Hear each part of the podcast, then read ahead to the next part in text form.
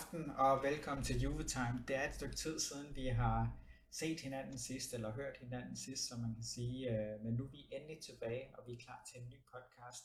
Og den her gang, der har vi valgt at kalde den for et skridt frem og to tilbage. Der er i hvert fald sket en masse ting sidst. Paul og Jimmy, velkommen til. Er I klar til at snakke om Juventus? Altid. Ja, altid. Ja, og hvor skal vi starte? Fordi uh, der sker jo rigtig meget i klubben lige nu. Vi uh, kørte faktisk en rigtig god stime på et tidspunkt, hvor uh, vi var faktisk det hold i Europa, der havde den bedste form. Og lige pludselig, så gik det fuldstændig galt. Hvad er det, der er sket? Paul, vil du lægge ud? Ja, men det er jo, øh, det er jo fordi, der stadigvæk ikke er, er styr på, øh, på basis i, øh, i, i forhold til det, det, man vil, og hvem man vil bruge og så videre. Hvis det er stadigvæk stor øh, rotation og, og forskellige systemer, og folk der bliver brugt ud af position og så videre, ikke? Så, øh, så det er svært at, at skabe noget, øh, noget konsistent traction, hvis det hele tiden er, at, at man prøver at famle øh, lidt øh, i forhold til at finde ud af, hvad der egentlig fungerer. Øh, så, så, så bliver det simpelthen bare svært at, at bygge videre på, på tingene. Ikke? Og man kan sige, hvis man sidder og kigger på det hen over øh, Altså, de runder, der nu har været, siden vi startede, ikke? Jamen, øh, så er jo ikke fordi, vi har udviklet os super meget i forhold til spil og, og, og den måde, vi går til kampen på og så videre. Så, så, så jeg synes faktisk, det, det, det værste i det udover resultaterne er jo selvfølgelig, at man kan ikke se nogen udvikling i, i spillet, synes jeg ikke. Mm, men hvad, hvad tænkte vi egentlig der, da man slog Chelsea? Altså var det bare øh, ren held, at man vandt den kamp hjemme? Eller havde man den skuden nogenlunde der? Nej, men det tror jeg egentlig ikke. Altså, hvis man kigger lidt på, hvad det er, Allegri kan, øh, og hvor hans hold rigtig excellerer, ikke? Jamen, så er det, når de møder øh, øh, hvad hedder det, spillende fodboldhold, der vil dominere på bolden og gerne være meget offensive i deres øh, tilgang. Øh, og så stå dybt og modtage presset fra dem af, og så leve på, på de fejl, de laver, og lave nogle gode omstillinger på det. Øh, det, er, det er altid der Allegri har været, øh, har været en specialist i det. Øh, der hvor han absolut ikke er nogen specialist, jamen det er når Juventus forventes at være store hold og skal være det dominerende hold, der skal bygge spillet op og øh, være på bolden og så videre, ikke? Jamen så, øh, så har han det svært, fordi han har, han har ganske enkelt ikke ret meget mindset, når det kommer til, øh, til angrebsspillet. Nej. Og Jimmy, hvad tænker du? Altså jeg tror, at der hvor at øh, vi virkelig blev slået tilbage, det var det der nederlag mod Sassuolo, hvor han simpelthen satte sig hele butikken. Kyle Shorts bliver også smidt ind, og så ender vi med at tabe 2-1 i overtiden. Altså det, øh, det, det har gjort ondt, tror jeg, det her med, at øh, altså jeg tror, jeg tror du, skrev, du skrev noget om det på et tidspunkt, Andrew, med, at, øh, at sindssygt er at blive ved med at begå den, den samme fejl, og så tror det bliver ved med at, at tro, at det lykkes. Øh, og den her flade 4-4-2, som man har set ham gøre brug af i længere tid, det, det, det, jeg, jeg ved ikke, om det har været et udtryk af, at vi virkelig har manglet en mand som Dybala, øh, så at han på en eller anden måde er nødt har prøvet at famle i blinden efter en eller anden løsning til at få, få holdet sat op, sådan så at der, at der altså, at, at de 11 pladser på banen kan blive udfyldt, for det, vi, har, vi har manglet spillere, der virkelig har, har været i form. Vi har manglet spillere, der virkelig, kan man sige, selv sådan som Chiesa har heller ikke rigtig været i særlig god form. Og når det bare han så er ude, jamen så mangler vi simpelthen den her øh, kreative force, øh, der, kan for, der kan formå at binde spillet sammen, skabe nogle, nogle muligheder for sine holdkammerater. Mm. Og det er jo det, som vi jo flere, der har skrevet efter i længere tid, en, en midtbanespiller, der kan formå at kreere og binde spillet sammen og skabe noget på, på, på egen hånd og sætte sine holdkammerater op. Det, det, det, det mangler vi virkelig. Når det bare han er ude, så mangler vi det rigtig, rigtig meget, fordi han er en af de få i truppen, der kan det. Øhm, så jeg tror måske, det vi har set i form af, af de her skøre opstillinger, han har sat op, og ligge, det har været, at jamen, okay, jeg har holdets, holdets playmaker ude, mm. og han nægter at bruge Arthur, som han er så heller ikke en fuldblods playmaker, men han kan da heller lige skabe noget ro mm. ved at holde fast i bolden. Jamen, hvad, hvad er så løsningen? så har han måske, øh, så har han måske set, jamen okay, til træningen, der kan McKennie det her, Rabiu han kan det her, det kan være, at jeg kan bruge dem ude på, på kanterne. Øh, for, Frederik, øh, ja, vi snakkede om, øh, Frederik Buskvist, han snakkede om, at jamen, det kan være, at han har udset Rabiot som en, en Matuidi-type, men han vil kunne, også kunne bruges som en form for, for kantspiller med, at han har noget fysik, han kan lave de gode rates, mm. måske kan han finde ud af at gøre det ude på kanten til træning, men når, når vi så står i en kampsituation, så er det lige pludselig noget helt andet. Øh, så har han ikke den, måske den, den fornødende erfaring eller taktisk intelligens eller begge til at vide, jamen, hvordan skal jeg løbe, hvordan skal jeg stå, hvornår skal jeg tage min, øh, hvordan skal jeg tage min løb frem, hvornår skal jeg trække ind i banen osv., og så bliver det sådan noget forkrampet noget. Og um, det har bare været et stort råd. Altså det, det, man har sådan lidt siddet og tænkt, jamen for fanden, hvornår, hvornår, får han sat, hvornår får han sat spillerne i en position, hvor de rent faktisk kan, kan præstere deres bedste? Hvornår får han sat dem i en spiller, en, spillerne i, i, i deres, op, altså, kunne sige, deres naturlige øh, roller? Og der så vi jo så imod Salernitana, at han stiller op i en, øh, en 4-2-3-1 formation, mm. hvor ja, det er en, som der er mange, der har, der har efterspurgt. Du har i hvert fald også været rigtig glad for, at det var noget, vi skulle prøve af, Andrew, så vi det husker. Øh, og der synes jeg, at man kunne se, i hvert fald i perioder af kampen, givetvis ja, mod en svagere modstander, men der så vi, at der var lige pludselig nogle, nogle mønstre, der gik op. Spillerne havde lidt mere forståelse af, hvor de skulle stå henne. Der blev taget nogle gode løb og skabt nogle fine chancer. Mm. Så, Tror du på, men det er også, at 4-2-3-1 øh, er en god opstilling? Fordi uh, hvis man lagde mærke til noget, så Locatelli, han spillede jo på en tomands midtbane. Og ved du hvad, det gjorde han faktisk også i Sassuolo. Det er faktisk et af de områder, hvor han excellerer. Er det noget, vi tror på, at han kan forsøge at køre videre med og bygge videre på? Altså, umiddelbart ja, fordi Arthur, jeg tror simpelthen ikke længere på, at han får chancen. Det virker bare som om, at jamen, han er ikke Allegas mand. Mm. Øh, og det, jeg synes, det er bare nærveligt, fordi når Arthur han er i form, er han en blændende fodboldspiller. Øh, men det er bare ikke en type, som... Altså, Allegri, han gider ikke de her boldflyttere, tror jeg simpelthen, det er der, det er der, han ligger. Han gider ikke de her boldflyttere. Jeg tror ikke engang, han ville kunne bruge øh, sådan en som Jorginho på, på, på, på midten, hvis det var. Han vil have en, altså, der, der, kan spille, øh, der kan spille vertikalt og hurtigt. Netop også som det, Paul han er inde på med, at jamen, Allegri, jamen det kan godt være, at holdet godt kan tage styring, men Allegri han kan godt lide, at vi skal kunne sætte en omstilling i gang hurtigt. Og der kan jo, altså, du har en, der, kan, der, der måske ligger dybt, der kan, der kan modtage bolden dybt, og så slå en killer pass op til en spiller, der, der, som, der så kan sætte noget i gang fremadrettet hurtigt.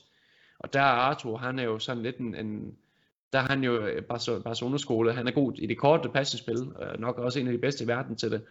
Og det er bare ikke det, som man ikke gider til sydenlandet. Mm. Så jo, jeg kunne godt forestille mig, at Locatelli øh, og Bentancur kunne få genvalg til en, en Thomas midtbane. Det vil jeg han sikkert meget glad for at høre, at Bentancur han uh, skal dele pladsen. Hvad siger du, Paul? Hvem, hvem skal ja, være sammen med ja. der? Jeg er faktisk lodret uenig. Det kommer ikke til at ske, fordi vi har kun en, der kan spille 6, og det er reelt Locatelli, hvis ikke han bruger Arthur. Uh, vi har prøvet med Rabiot, vi har prøvet med Bentancur utallige gange, som vi så Pirlo også lavede med en dobbelt pivot i sidste uh, sæson. Ikke? Og, og udfaldet er bare det samme. Jamen, øh, hverken Bentancur eller Rabiot kan vende under pres, slet ikke, når de er fejlvendt på bolden. Og det koster så mange øh, omstillinger, det koster så mange mål. Så man kan sige, før at, at, at vi, har, vi har spilleren til at fylde op med, jo, det kan sagtens være, at, øh, at øh, hvad hedder det, vi, vi, vi har en enkelt spiller, der kan, men, men, men vi mangler altså, altså stadigvæk en marker til ham, ikke? og det, det, det har vi ikke en naturlig sekser, der kan. Mm. Og der går jo også rigtig mange rygter om, at vi prøver at skifte nogle af de her øh, midtbanespillere, så der kan komme en ny ind. Ikke kun en, men måske to. Men øh, hvis de her midtbanespillere ikke passer til, hvad, hvor øh, skal McKennie så hen? Altså, hvor, hvilken plads skal han spille? Han har jo overrasket rigtig meget, vil jeg sige. Ja, men altså, det, hvis man kigger på de typer, som øh, Allegri foretrækker igen, så er det, så er det udelukkende tovejsspillere, han helst vil have. Jamen, det er folk, der kan, der kan sådan i, i, i en mellemrum øh, rende med frem og mellemrum rende med tilbage, og også øh, er meget fokuseret på balancen i det, og, for, og, og, og og Allegri vil øh, faktisk helst instruere dem i at sige, at først så skal vi skære med i defensivt, så kan vi se sekundært på på at angribe. Ikke? Øh, og så, så, så, bliver det simpelthen bare svært øh, med det spillermateriale, der er, fordi der er faktisk ikke, øh, vi har ikke ret mange kloge spillere på, på holdet, vi har ikke mange fodboldtænkere på holdet, ikke? Og, og vi har slet ingen, øh, vi, har, vi har måske en enkelt eller to ledere på holdet, ikke? siden vi pillede Ronaldo ud og solgte ham, ikke? Jamen, så, så er der jo stort set ingen, der kan registrere vores pres, der er ingen, der kan registrere, hvor, hvor langt skubber vi op på banen, og så videre, og så videre. Alt sammen går og kigger på hinanden og siger, tager du ansvaret, skal jeg tage ansvaret? Hvem, hvem tager egentlig ansvaret? Det er der ingen, der gør. Vi skal bare have de lige til at få det armbånd der hurtigt. altså. Ja, men man kan sige, at en spiller gør det sgu ikke, Andrew, og, og det er jo noget af det, der kendetegner de rigtig gode hold, det er jo, at, at på den centrale akse, ikke? jamen der har de sgu nogle ledere, der går foran og orkestrerer, så kan du sagtens omgive dem med, med nogle, nogle, nogle mere eller mindre lever på spillere, ikke? hvis der er nogen, der holder snor i dem og siger, det kan orkestrere forsvaret, eller Bonucci kan, og Chiellini kan også, Øh, midtbanen, der har sat ikke ret mange ledertyper, og så har vi angrebet også. Jo, det kan godt være, at Dybala har anført bindet, men han orkestrerer sat ikke ret meget. Han er, han er rigeligt at gøre med at holde styr på sin egen position positioner på banen, ikke? Som, som man ofte øh, sejler rundt til højre og til venstre. Ikke? Øh, så før at man har nogle, nogle ledere på den centrale akse, som kan, kan, kan binde tingene sammen og orkestrere, øh, både i forhold til vores opbygningsspil, vores presspil og vores, øh, vores angrebsspil, jamen så, så bliver det simpelthen en, en meget svær opgave, og så kan man sige, så kan man sagtens forlade sig på at, at spille på omstillinger, fordi det er faktisk noget af det nemmeste, der er at sige, jamen vi har tre eller fire mand, I stikker afsted, når vi kører omstilling, og så er det primært ham der, der skal, der skal drive bolden, øh, typisk Chiesa, ikke? Øh, fordi det kræver der ikke ret mange ledertyper til, men i det etablerede fodboldspil, der, øh, der skal man have nogle ledertyper, der kan holde snor i, i holdet på de forskellige rækker, vi har. Altså, jeg vil gerne give dig ret i den del, og der hvor jeg egentlig synes, at Allegri han kommer til kort, det er systemet. Fordi øh, jeg begyndte at se øh, en masse Premier League, og faktisk også en del af Chelsea's kampe. Og det jeg synes, der er så vanvittigt fedt med, med det hold, det er, at Tuchel, han spiller et fast system. Det er nærmest ligegyldigt, hvilken spiller han sætter ind på pladserne. De ved lige præcis, hvad de skal gøre. Han har den ene efter den anden til at kunne være, agere backup-spiller for, for den rolle, han nu gerne vil have, at spilleren skal have. Og det virker bare som om, at det system, som Allegri har, det er bare ikke godt nok, og han har heller ikke de spillere, der skal til. Så man begynder jo selvfølgelig at tvivle på, på evnerne, men øh, det kunne jo selvfølgelig også godt være, at det spillermaterialet, der er noget galt med. Hvad tænker du, Jimmy? Er det, er det spillermaterialet, der skal udskiftes, før Allegri han kan få succes? Øhm, Ja, fordi vi har, vi har haft øh, Allegri i hans sidste år. Så har vi haft Sarri, så har vi har haft øh, Pirlo, og så har vi Allegri igen nu. Øhm, og noget af det sidste Allegri han råbte på, det var, der skal ske noget. Og det har han jo så haft ret i, må man jo sige, fordi det er jo kun gået en vej, det er ned ad bakke. Og det er jo lige meget om det her så har heddet Allegri, Sarri eller Pirlo, så har vi jo godt kunne se, at der har været problemer. Mm. Så øh, når man har tre øh, trænere, tre forskellige trænere i det tidsinterval, som vi har, så er det jo, så er det jo påfaldende, kan man sige. Så, så, vil det, så, så er det jo nok ikke udelukkende trænerne, man skal pege fingre af i hvert fald. Så kan man sige, hvad man vil om Sarri og Pirlo. Men, men der, har jo været, der har jo været nogle ting i spillermaterialet, som, som, som gør, at det er kommet til kort. Altså jeg synes, vi har en, en spændende trup, men der er der helt klart, så er der nogle, nogle, nogle, nogle, nogle, mangler. Det er der ikke nogen tvivl om. Øh, der er masser af talent, men der er nok ikke nok, der er ikke nok øh, øh, pondus i, i, i, i truppen, der er ikke nok gennemsagskraft, der mangler noget erfaring, og der mangler, som, som, som Paul også ind på, der mangler nogle lederskikkelser. Øh, og så rent teknisk kan man selvfølgelig sige, at der, der lider holdet som sagt også under, at vi mangler, vi mangler noget kreativitet, der, der øh, inde på, på, på, på midtbanen, som vi allerede har været inde over. Det vil jeg ikke komme nærmere ind på igen. Men jeg forestiller mig, at øh, med det, som Allega han har til rådighed nu, øh, til den type fodbold, han gerne vil spille, jamen det er klart, at så skal der noget andet til. Jeg synes, vi har fået, fået etableret i, i Allegers tid, at han er en knalddygtig træner. Øh, det er så også derfor, at jeg har været så overrasket over at se, hvordan han har famlet øh, her i, i den seneste tid. Jeg har været meget øh, negativt overrasket over, hvor, hvor, hvor, hvor, hvor galt det er gået i forhold til at finde løsningerne. For han plejer jo netop at være manden til at sige, jeg har den og den og den spiller, den bruger jeg sådan og sådan og sådan og sådan, og så går det alt sammen op i en højere enhed. Mm. Men det, det har vi ikke rigtig set fra ham endnu, i hvert fald. Vi håber, altså jeg håber selvfølgelig på, at det kommer. Og uanset hvilken træner man har, så skal der helt klart ske noget på den midtbane. Vi har en Ramsey, vi har en Rabiot, øh, der, der sagtens kan skibes afsted. Øh, McKenny er stadigvæk lidt ubeskrevet blad. Han synes, han gør det godt. Han, han, han har rum til potentiale. Hvordan han ender, det ved jeg ikke helt.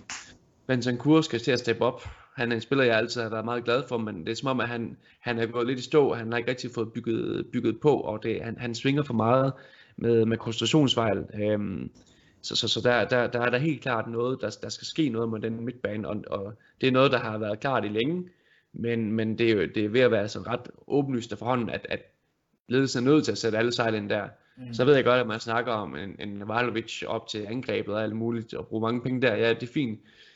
I min optik, så nytter det intet, om så har vi hentet Lewandowski. Mm. Hvis ikke den midtbane fikses, så kan det være fuldstændig ligegyldigt, hvem vi har Det har vi jo allerede prøvet. Vi havde Ronaldo. Ja, med Ronaldo. Verdens bedste målscorer nogensinde. Og han ja. løftede holdet ved at kunne øh, klare det individuelle, og lige pludselig komme ud af det blå og score et mål eller to. Det var det, han gjorde. Det gør han i United, det ser vi. Og det har været uden, og det har været uden support. Uden, uden en god midtbane. Ja. Ikke? Altså, hvis det er ret imponerende. tilbage i, i tiden og se, hvornår har Allegri haft en midtbane, der fungerer. Altså, hvis jeg lige hurtigt skal tænke, ikke, nu ved vi, MVP selvfølgelig, men efter MVP-tiden, så synes jeg faktisk, at det fungerede super godt dengang, da han skiftede over til den der 4-2-4, altså hvor han havde uh, Kedira og Pjanic, mands midtbane, så havde man Mandzukic ud på venstre kant, Quadrado ud på højre, og så havde man så øh, Iguain og Dybala op i angrebet. Der synes jeg faktisk holdet, det spillede rigtig godt. Men altså, vi må se, hvordan det var ledes. Altså, jeg, øh, jeg, jeg synes, det er interessant altså, i, i forhold til, det er også noget, som, som vi har talt meget, tidligere, meget om tidligere, og, og Jacob øh, Kleist havde også en kommentar om det inde på, på forumet, at, at det kunne være rart at have den her træner med et fasttømret spilsystem. Øh, jeg tror, han nævnte blandt andet sådan som Ten Hag, som, som værende en, en idé. Altså du har en spiller, øh, undskyld, en træner, som, som sætter spillet op på den måde, sætter systemet op på den måde, at uanset hvordan og hvorledes tingene hænger sammen, så ved spillerne altid, hvad de skal, hvad de skal gøre, fordi det er systemet, det var det, vi håbede på, at vi kunne få ud af Sardi, det var også det, vi håbede på, at Pirlo kunne, kunne få implementeret. Øh, det er så ikke lykkes. Men man ser også på, på situationen i Barcelona nu her, eksempelvis. Mm. Øh, det er faktisk et kærligt godt eksempel, at øh, nu er, nu er Koeman, han er, han er ude af, af politikken, Xavi er kommet ind. Han er relativt ny træner. Men han kommer ind, og han har en, en, en ret ung trup, mm. hvor, hvor, hvor mange spillere en del af Masia-spillere, mm. så de har fået den her fodboldopdragelse, som, som, som Xavi også har gennemgået. Så kommer han ind og siger, jamen prøv at høre, kære venner, jeg har spillet det her system i 100 fucking år.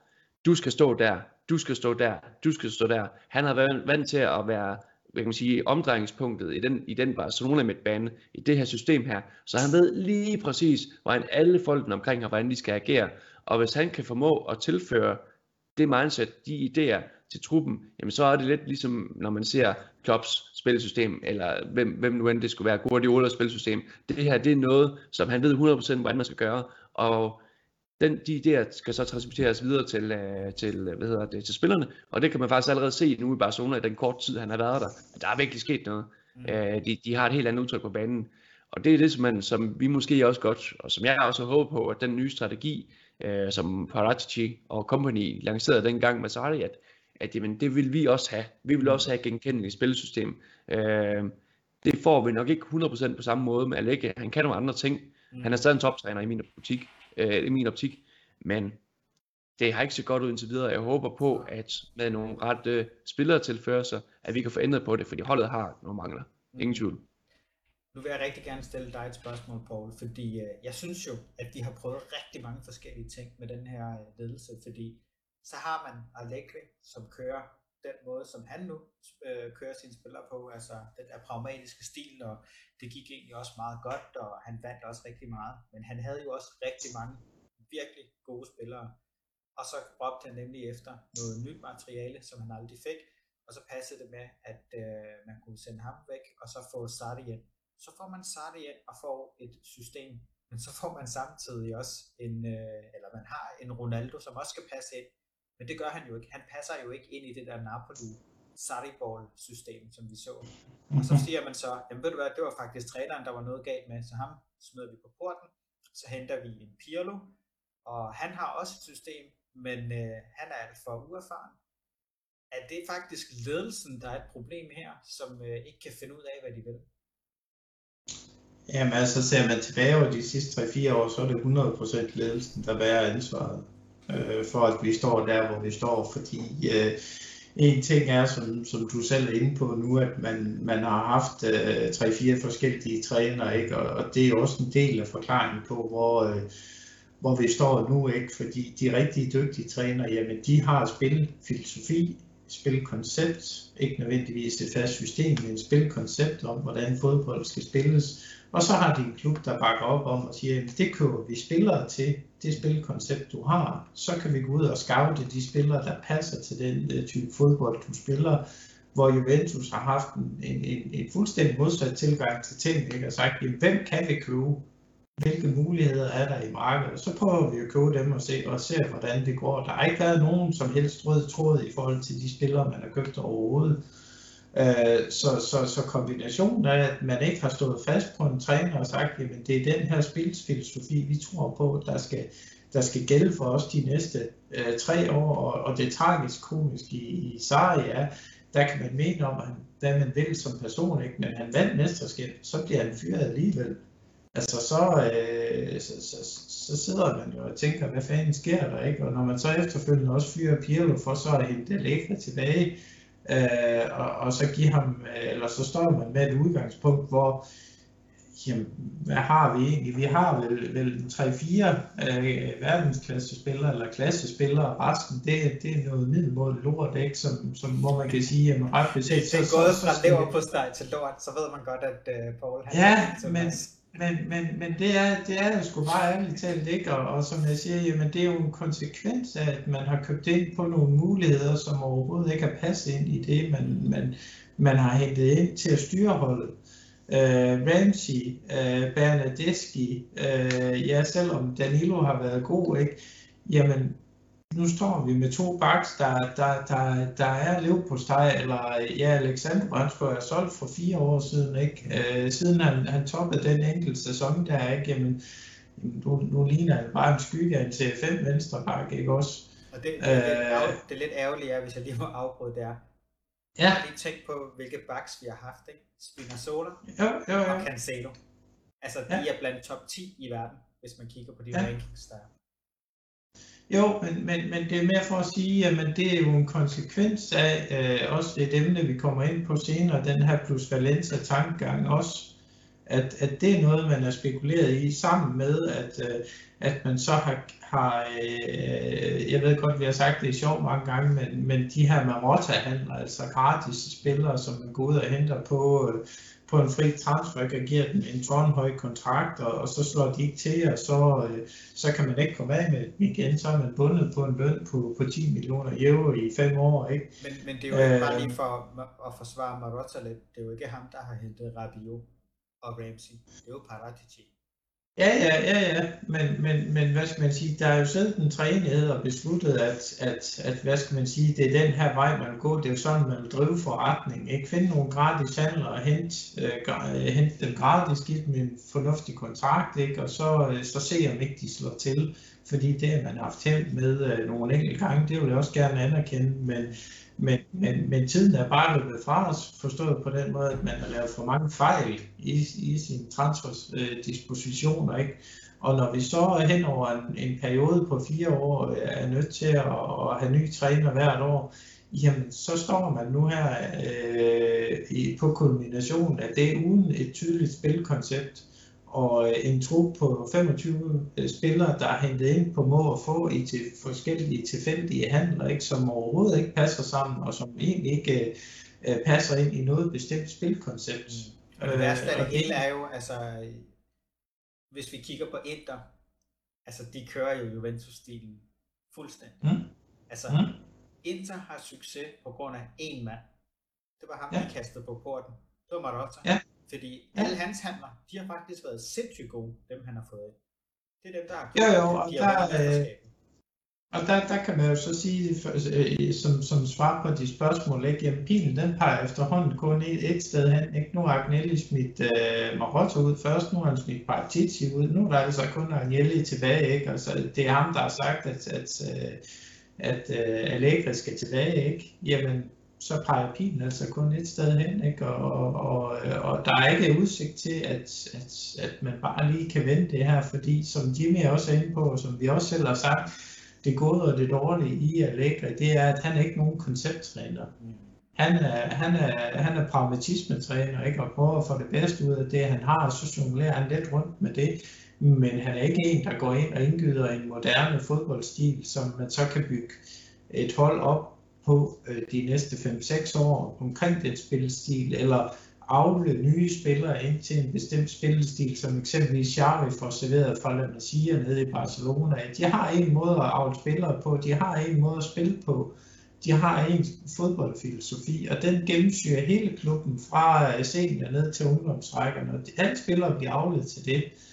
Øh, så, så, så det er jo en helt anden fødekage, de kigger ind i og siger, jeg ved godt, de er problemer, men deres genstart, den bliver slet, slet ikke lige så hård, som Juventus gør, fordi vi har ikke nogen fødekage, der kan føde spillere ind til et, øh, et, øh, et bestemt spilkoncept, hvor vi bare kan se, at de glider lige så stille ind. Vi kan producere to-tre spillere om året, der glider lige stille ind på holdet, ikke? og siger, at så overtager de den plads, fordi de ved, hvordan vi spiller.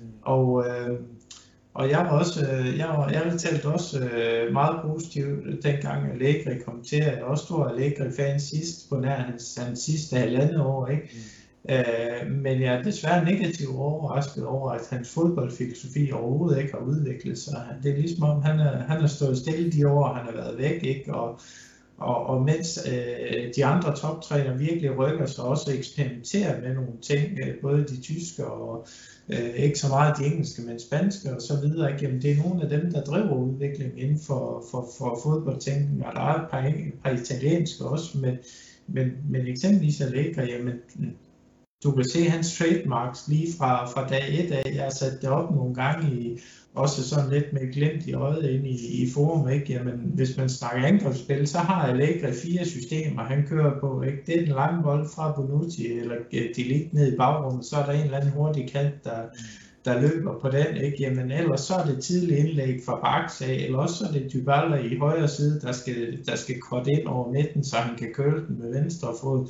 der er sat, der er sat med ikke mange variationer i, uh, i, i den måde at spille spil på. Ikke? Det, det, så altså, han, han er lidt fortabt, kan man sige. Ikke? Og det var også derfor, jeg skrev ud på forum og spurgte dem, hvornår har en italiensk træner sidst vundet Champions League?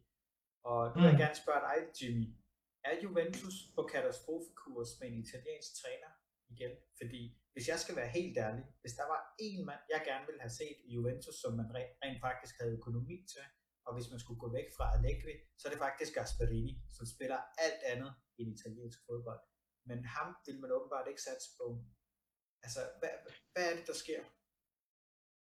Altså, jeg er måske ikke... Øh, jeg er måske ikke videre imponeret af de, øh, altså af, af de løsninger, som Allega han har fundet eller ikke har fundet her i den seneste periode. Det har jeg også givet udtryk på inde på forum. Og, og, og jeg vil igen så samtidig understrege, at jeg er kæmpe fan af manden. Øh, men jeg tror ikke, at vi er på katastrofekurs, hvis jeg skal være ærlig. Øh, jeg tror lige nu, der ser vi kulminationen af, at Allegri han er kommet til hold, der har været en bad shape, og som lige har mistet deres bedste spiller, i form af Ronaldo, og som også er en leder, har været en leder inde i omklædningsrummet. Øh, jeg tror på, at der er en hel del oprydningsarbejde, som Allega han står med, og skal jonglere med, samtidig med, at Jamen altså, med alt det andet bøvl, der har været, ny udskiftning på ledelsesgang, alt muligt. Altså, Allega han er havnet i en lortesituation. Jamen, han er kommet i genopbygningsfasen, men er han den rigtige? Tror Jamen, det er jo så det, jeg kommer til. Mm. Øh, jeg, jeg, tror jo, at, jeg tror jo faktisk på, at Allega, han, han er en, der godt kan føre det her hold videre. Men det kræver, det kræver mere end bare det ene transfervindue, hvor vi fik tilført, jeg vil lige sige halvanden spiller. Du fik, vi fik Locatelli, som er fantastisk, mm. og så Caio Rocher, ikke? Altså, jeg tror, jeg tror på, at, at han skal måske lige have chance for, at det, det den trup, han har fået overdraget, skal han også have lov til at kunne sætte sit præg på i forhold til at få skiftet nogle folk ud og få nogle midtbanespillere, som rent faktisk fungerer. Fordi vi kan jo se, de midtbanespillere, vi har til rådighed, jamen af den ene eller anden årsag, så har de jo ikke fungeret. Så kan vi forklare, så kan vi snakke længere om, hvorfor det ikke har fungeret. Men det har ikke fungeret hverken under Pirlo eller Sardi for den sags skyld. Øhm, nu har vi fået Locatelli til. De hjælper gevaldigt på det. Mm. Men det er en mand. Og øh, der er stadigvæk væsentlige mangler. Så jeg, igen, om vi havde Guardiola eller Klopp som træner, så, så tror jeg ikke, at vi bare ville kunne se et skift sådan der. Mm. Øh, det er derfor, jeg tror, at vi ser de problemer, vi, er, vi har nu. Vi kan altid snakke længere frem med at sige, jamen på længere sigt, er Allegri manden, der kan ændre på noget. Øh, på, altså er han noget, der vigtigt kan, kan skabe, er han en, der kan skabe powerhouse. Og jeg tror måske, at grunden til, at jeg ser Allegri, han er vigtig nu, det er fordi, vi har en, et omklædningsrum, der ikke er, hvor det skal være rent mentalt. Mm. Og der ligger en af de bedste i verden til at håndtere omklædningsrummet og få spillerne til at være i den rette mentale forfatning. Mm. Det excellerer han i, og det er der også mange af hans eksspillere, der har udtalt, mm. at det er han virkelig, virkelig god til. Så derfor tror jeg, at han, hvis vi, hvis vi rent faktisk får den konstellation, som, som vi har håbet på med, at i stedet for, uh, som Paul var så inde på før med, at at der bliver hævet folk ind, på, spillere ind på må og få, det er den, vi har til rådighed, så tager vi dem. Hvis vi rent faktisk får den her konstellation, hvor Cherubini og Allegri taler sammen om de spillere, der skal hives ind, og det ligger, han har medbestemmelse med, at jamen, jeg vil faktisk gerne spille på den måde, så jeg har faktisk ikke lyst til, at du henter den spiller der. Jeg kunne mere tænke mig, at vi retter blikket over mod den her spiller.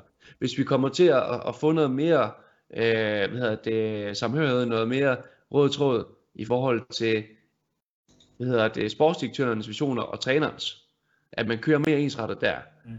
Så tror jeg på, at Ligge han kan blive en succes. Mm. Men det kræver, at vi ikke laver de her handler, hvor vi udelukkende ser på, hvem har vi til rådighed. Så er det nogle gange bedre ikke at bruge nogle penge. Hvad siger du? Hvem er gratis, og så henter? Ja, ja, præcis. Ja. Jeg tror, så tror jeg nærmere, det er bedre, at man ikke bruger pengene. Det er ligesom ikke ender med en ny Ramsey eller lignende jeg var altså, ikke for, jeg vil ikke havne på Ramsey, fordi jeg synes egentlig, han var et udmærket gamble dengang. Helt det, virkede det har vi jo også snakket om rigtig mange gange, ikke? Altså lige præcis ja. det der med både Rabiot og Ramsey var gode gambles, men... Øh, men jeg, jeg, tror på, at, jeg tror på, at Lægge, han godt, kan, han, han godt vil kunne bringe os frem, fordi altså, nu skal vores hukommelse heller ikke være ringere, end at han manden har altså fået sig to Champions League finaler. Det har han. Så han kan jo godt noget. i hvert fald. Hvis der havde været var, altså jeg siger, han var tæt på at vinde den ene af dem. Hvis der havde været var, ja. så havde vi vundet den første mod Barcelona. Ja, og vi kan så også have den gang, hvor vi røv mod Bayern, hvor, hvor jeg ved ikke hvor mange, altså den, den kamp, den... Ja, oh, uh, Müllers albu ind på, på, Müllers albu inde på midtbanen der, og som dommeren ikke så, det glemmer aldrig nogensinde, altså direkte rødt, ikke, og, og alt ja. det der, der skete ja, der. Men han er mega dygtig i Europa, det skal vi ikke, det skal vi endelig ikke glemme. Ja, han har 12 uh, point i den der gruppe, ikke, så øh, han skal da slet ikke underkendes. Nej, men der er helt klart, så, helt klart så, så vil jeg sige, jeg har betvivlet hans dispositioner den her sæson her, i, i mange tilfælde. Men jeg tror også på, at får han den rette tid, får han de rette indkøb, så er han helt klart en toptræner, der, der godt vil kunne få noget ud af det her hold. Jeg kunne dog godt ønske mig noget af det, som, som du også inde på, Paul, med at den røde tråd mellem vores akademi, hvis vi virkelig gerne vil satse på vores akademi, den røde tråd dernede til og op til førsteholdet, det er svært med den måde, vi Allegri spiller på. Og det synes jeg faktisk er, en rigtig vigtig point, du kommer med, fordi hvis man bare kigger på nogle af de største hold, der er, kig på Chelsea. Er du klar over, hvor mange akademispillere, der var inde? Altså, dengang vi lige fik uh, det største nederlag i 17 år, kunne jeg læse mig frem til, på 4-0. Hold kæft, den gjorde ondt. Altså, er det måske der, hvor det var heldig uheld, at vi ikke kunne komme afsted på den tur alligevel? Men uh, Paul, hvis oh. vi lige skal have et recap på den kamp, hvad var det, der gik fuldstændig galt for Allegris taktik der. Altså, det var jo fuldstændig fejlslået, kan man sige.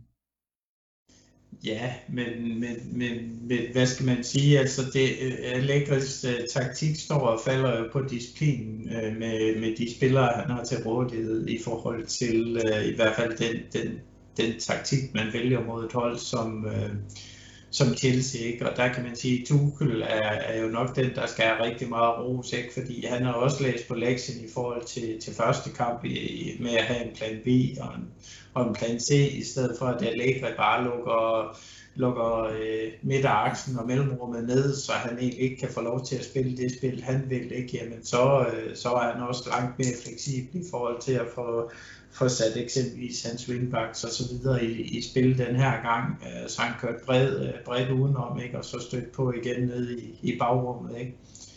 Øhm, og og det, det er jo en af de helt store hurdles, vi alle sammen har, øh, har snakket meget om i kamptråden også, jamen det er det her med indstilling, der faktisk er, er noget af det, jeg tror, der går os alle sammen mest på. Det er, det er så tydeligt, at det skinner så tydeligt igennem, at der er for mange spillere, som egentlig bare går med et alibi-udtryk i hovedet, i stedet for, øh, som, som vi har sagt mange gange, vi, vi savner en Marquise, vi savner en Vidal og alle de der, øh, en, en Mandzukic, ikke?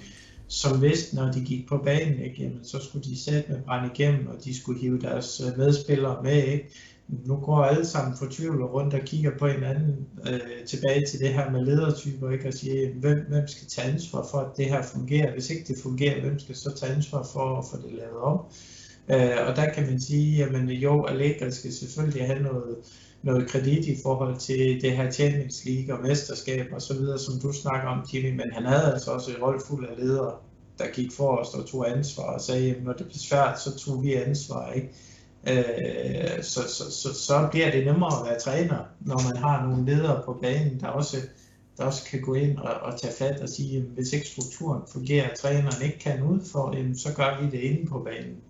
Jo, men det har, alle, det har alle store hold jo. Altså, det har alle de store hold. Ja, ja, præcis. Altså, så, så, så det igen, der, der vil jeg også sige, at det, så er det jo lige meget, om vi har, hvis vi har Guardiola eller Ancelotti, hvis ikke vi har spillerne, der kan tage ansvar, så kan vi godt glemme alt om, om Champions League uanset hvad, så det synes jeg ikke kan tælles. Jo, på, øh, jo på, på den korte bane, det som jeg egentlig anfægter, det er at sige, at nu er vi nødt til at forholde os til, nu man prøvet med en 3-4 træner efterhånden, ikke, og sagt, at der er ikke rigtig noget, at de, de kan få til at fungere, så er man simpelthen nødt til at erkende og sige, at vi skal starte forfra, og så mm. sige, at øh, vi har en strategi, vi gerne vil forfølge, om det så er akademi, eller det er, det er, at vi vil op at være en af verdens bedste hold til at, ved at købe nogle spillere ind, jamen så starter det med en strategi ovenfra og siger, at det er den her strategi, vi vil, og så kommer man ud og hyrer en manager til det. Det, som Agnelli har gjort med at hive Allegri ind, det er at sige, jamen, hvordan kan vi, kan vi holde røven i vandskoppen de næste to år?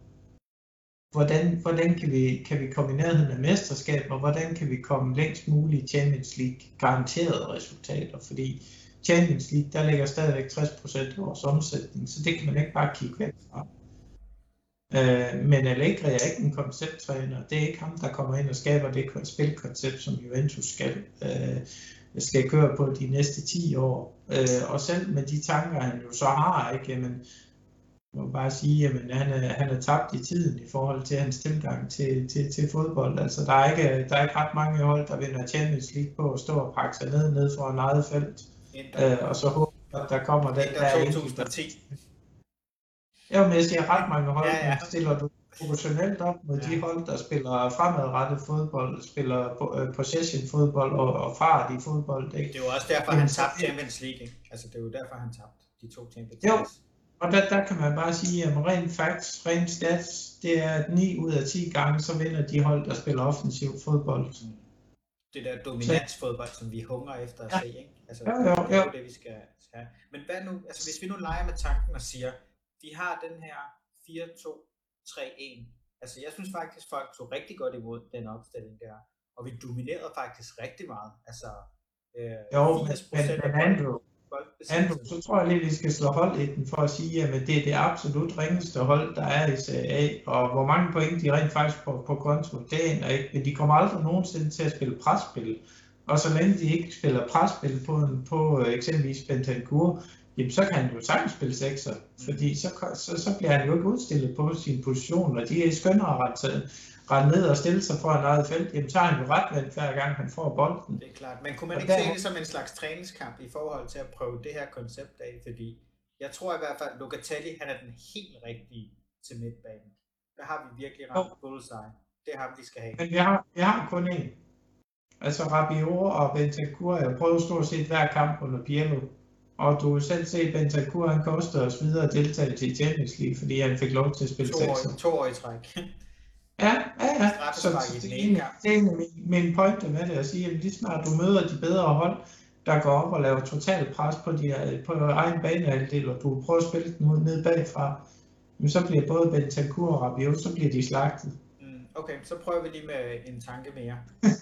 Jimmy, hvis vi nu her til vinter, nu ved jeg godt, at vi skulle snakke lidt vinter Machado til senere, men uh, nu tager vi lige lidt hul på den. Hvis vi nu får en Dennis Zakaria fra Wolfsburg, og til folk, der ikke lige kender ham, det er en defensiv midtbanespiller, meget solid destroyer, Casemiro-type, en, der bare skal vinde bolde og, og skynde sig og aflevere dem igen. Hvad så? Jamen, han er, han er en meget, meget interessant type, fordi han er, ja, han er en destroyer, men han har egentlig også et udmærket teknisk niveau. Øhm, han er ikke, øh, det er ikke, det er ikke ligesom en ligesom god gamle øh, Momo Sissoko, hvor du sætter ham ind, og så skal han sabe nok vinde bolden, og så skal han sabe nok også også spille væk igen med efter. undskyld, jeg, jeg elsker manden. Ja. Men, øh, men undskyld, Zakaria, han, han, er, han, er en, han er en dygtig spiller på, på, på mange parametre. Han er ikke en, der, der laver mange mål hver sæson, men det er heller ikke det, der er hans rolle. Han skal vinde bolden tilbage, og så være god i det korte passningsspil. Det er han mega god til. Altså hvis vi fik sådan som ham til, jo, det er klart, så, så vil han være en, en, en, en vigtig brik. Han vil gå hen og blive en vigtig brik på, på midtbanen ret hurtigt. Det er der ikke nogen tvivl om. Så vil man, så vil man nok godt kunne, kunne bedre advokere for en, en, en, en to-mands midtbane. Men jeg er enig med Paul i, at Ja, altså jeg, jeg synes jo, hvis jeg ser på en tremands midtbane med Arthur, Rabiot eller Bentancur, og så Locatelli, altså så synes jeg faktisk, det er en ret god, en ret habil midtbane, hvis jeg skal være helt ærlig. Men, men det kommer vi bare ikke til at se under, under Allega desværre. Øhm, jeg, jeg, tror, jeg, tror, jeg tror virkelig, hvis vi skal spille den formation, så, så skal der noget, øh, der skal noget forstærkning til jeg synes, det fungerede. Jeg kunne godt se, at formationen fungerede rigtig godt, når først vi, vi fik bolden længere frem, fordi vi havde lige pludselig vores kandspillere til at stå øh, som kandspillere. Mm. Øh, vi havde en Trigatista øh, i form af Dybala, som, som lå, som man skulle, og så, og så havde vi en angriber, som kunne få lov til at spille angriber. Det fungerede.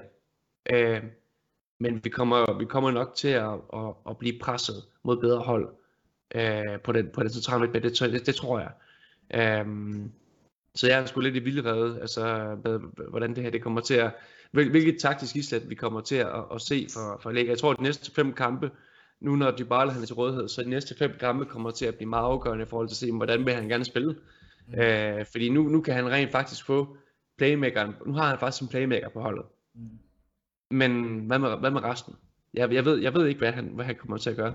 Jeg er meget spændt på det. Ja. Hvad tænker du, Paul? Altså, kan han forvente den her skud nu? Fordi, okay, den her kamp mod Salernitana, man havde dominans, man havde possession, men det var sgu ikke en køn kamp. Altså, kæft, det var jo det dårligste hold i Serie A, og man kunne kun lave to mål. Og altså, det var jo nærmest, Jamen, jeg, altså, jeg, ved i hvert fald, jeg gik nærmest derfra, uden at tænke sådan, om det var en sejr, jeg var glad. Altså, jeg havde nærmest fornemmelsen af, at uh, man havde spillet uafgjort. Altså, jo, og med lidt, uh, lidt uheld, uh, eller lidt held til dem, ikke, så havde vi spillet uafgjort, ikke? fordi de havde, uh, de havde jo en afslutning på indersiden af stolten, ikke? Som, som lige viskede ud igen, ikke? Men, uh, men, men det er jo netop pointen i det, det er jo, at, at selvom vi har en dominans på måske 70-30 øh, i, i boldbesiddelse, vi producerer altså ikke ret meget. Det, det gør vi ikke, fordi der ikke er, er fokus på at sige, hvordan skal vi komme til de her ting. Øh, der er Lakers mantra jo at sige, nu har jeg nogle dygtige spillere op foran, så finder de ud af noget selv. Øh, så kan de slå dem på fart, eller de kan slå dem på teknik eller fysisk styrke i sidste ende. Ikke? Men, øh, ja, altså igen, som, som Jimmy siger, jamen jeg, øh, jeg har også svært ved at se, hvor det skal komme fra. Det, det, det baserer egentlig mest på, at jeg ikke har set nogen progression, siden Allegri har taget over. Øh, det er,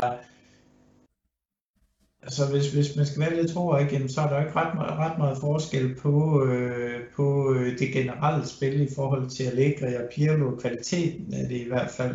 Men sige, der hvor, hvor Allegri gør en forskel, som jeg lægger mærke til, det er, at han begår ikke sådan nogle begynderfejl i forhold til opstilling på, øh, hvad hedder det, på eksempelvis stødbolde og omstillinger og sådan nogle ting, ikke? Jamen, der ved han godt, hvordan øh, de ting fungerer, fordi han har en, har en erfaring for at sige, at hvis vi har dødbold langt op på banen, så er det ikke Kilini, der skal være bagerst mand, fordi ham render de fra, jamen, han sætter Bentancur ned som bagerst mand, fordi han har trods alt noget speed og, og en god takler også, og så videre, ikke? Men, øh, så, så det er en der, jeg ser den største forskel, men, men spilmæssigt, øh, er der sat væk meget at råbe for, og, og, og, og det er jo typisk for et hold i krise, ikke, hvor man kan se jamen, selv elementære ting i spillet, altså aflevering over 5-6 meter, kraften i afleveringen og sådan nogle ting, jamen det, det, det fungerer ikke, og det ser heller ikke ud til, at spillerne faktisk kærer sig synderligt om, at det fungerer. Det er faktisk det, der er det mest rystende.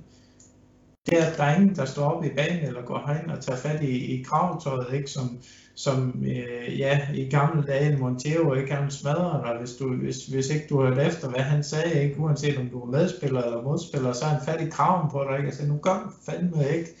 Uh, nu har du sat den hive dig op, ikke? Og, og, og igen, så er vi tilbage til det her med, jamen hvis Allegri står alene med det her projekt, og han ikke har nogen ledere på banen til at transmittere nogle af de her ting, altså vinder instinktet, øh, blodtørsten er nær sagt, men, men det her med at skrælle igennem, som vi siger på jysk, ikke?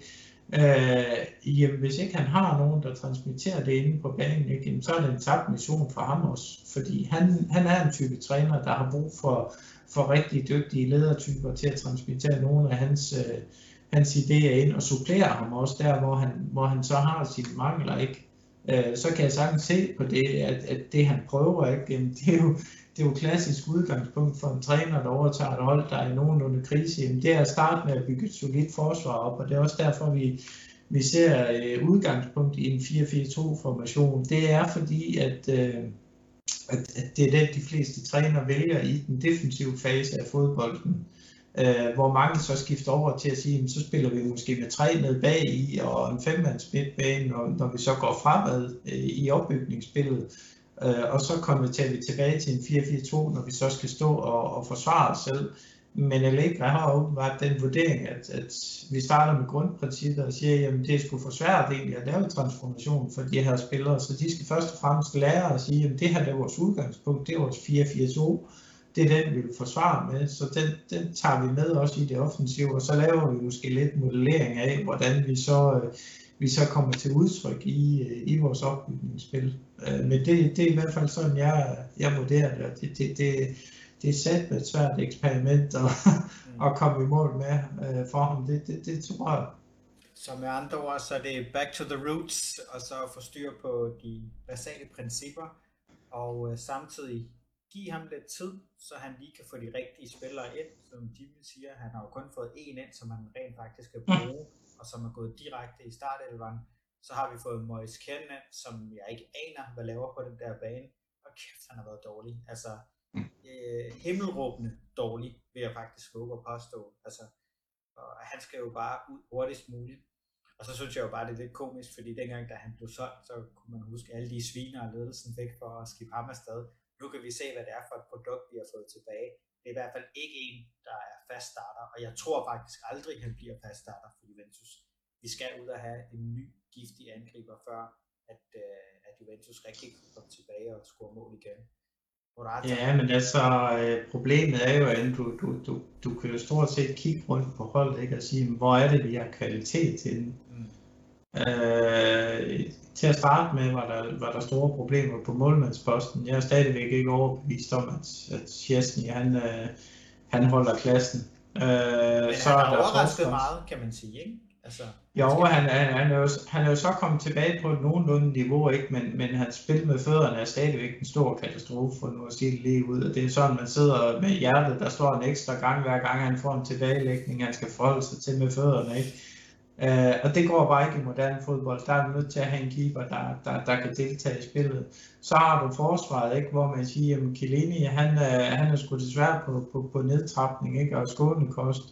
Uh, Bonucci, som vi har vendt mange gange, jamen han er også, uh, han er også ved at være, være i efteråret, ikke, og han skal have en stærk partner ved siden af for, for at fungere. Og så er der vores backs. Jamen, der er stort set ingen af dem, der har klasse. Det er jeg bare nødt til at sige. Øh, og, og øh, Danilo, jo, udmærket gardering på, på højre bakke, og så er der Quadrado, ikke? Jamen, han er jo, han er jo løsgående missil. Altså, øh, øh, ekstremt god på hans gode dage, ikke? Hvor, hvor han rammer topniveauet. Men de gange, hvor han så rammer bundniveauet, ikke, jamen, du lige så godt lade være med at have ham med, ikke, fordi ja, ja, han taber det, hovedet. Det er, fuld, det, er fuld, det er fuldstændig væk, det han laver både i, i offensiv og, og defensiv. Ikke? Og så er der midtbanen, jamen, der er reelt kun Locatelli, som egentlig har klassen til at være der. Uh, så Dybala, måske, måske ikke, jamen han er stadigvæk lige stor spørgsmålstegn, som, som han har været de sidste tre år i min bog. Uh, Chiesa, uh, jo, han er, han er, han er, han er klassespiller og rønne vi kan virkelig bygge noget, noget spændende op om. Ikke? Og ja, Kulusevski har ikke slået til, Morata har ikke slået til, Kina har ikke slået til. Øh, jamen jo, så har du lige pludselig under en håndfuld øh, at bygge din stamme på. Så ser det satme svært ud, uanset om man så øh, kan røgne en eller to forstærkninger i, i horisonten. Ikke? Men, men hvis du kun har en stamme, Øh, er rigtig dygtige spillere, øh, som reelt har niveauet til at spille i Juventus, ikke? Øh, hvor, hvor, hvor det er 94 spillere igen, så, så er der rigtig lang vej hjem igen, er jeg bange for. Ja, og man bliver næsten øh, lidt bekymret, når man sammenligner med vores 2017-hold, ikke? der nåede Champions League-finalen, og så kigger på holdet nu, så øh, ser det bekymrende ud. Men øh, vi kan jo håbe på, at de næste par transfervinduer vi kan sikre, og jeg håber jo stadig, at øh, man kan hive Pogba hjem Øh, jeg har stadig det håb om, at øh, det er den klub, han gerne vil tilbage til, så han ligesom kan finde sig selv igen. Manden, han nærmer jo sig også de 30. Øhm, så skal vi bare ikke spille med to midtbanespillere. Nej, fordi der har det heller ikke gået så godt i United, kan man sige. Og nu er han vist også skadet, så det ser ud som om, at hans dage er til alt det der. Men, øh, men lad os se. Jeg tænker, at vi hopper videre til et andet rigtig spændende emne, som der er for tiden. Der er jo nogen, der allerede er begyndt at skrive Calciopoli 2 og, og alt det her. Jimmy uh, øh, Capital Gates-sagen.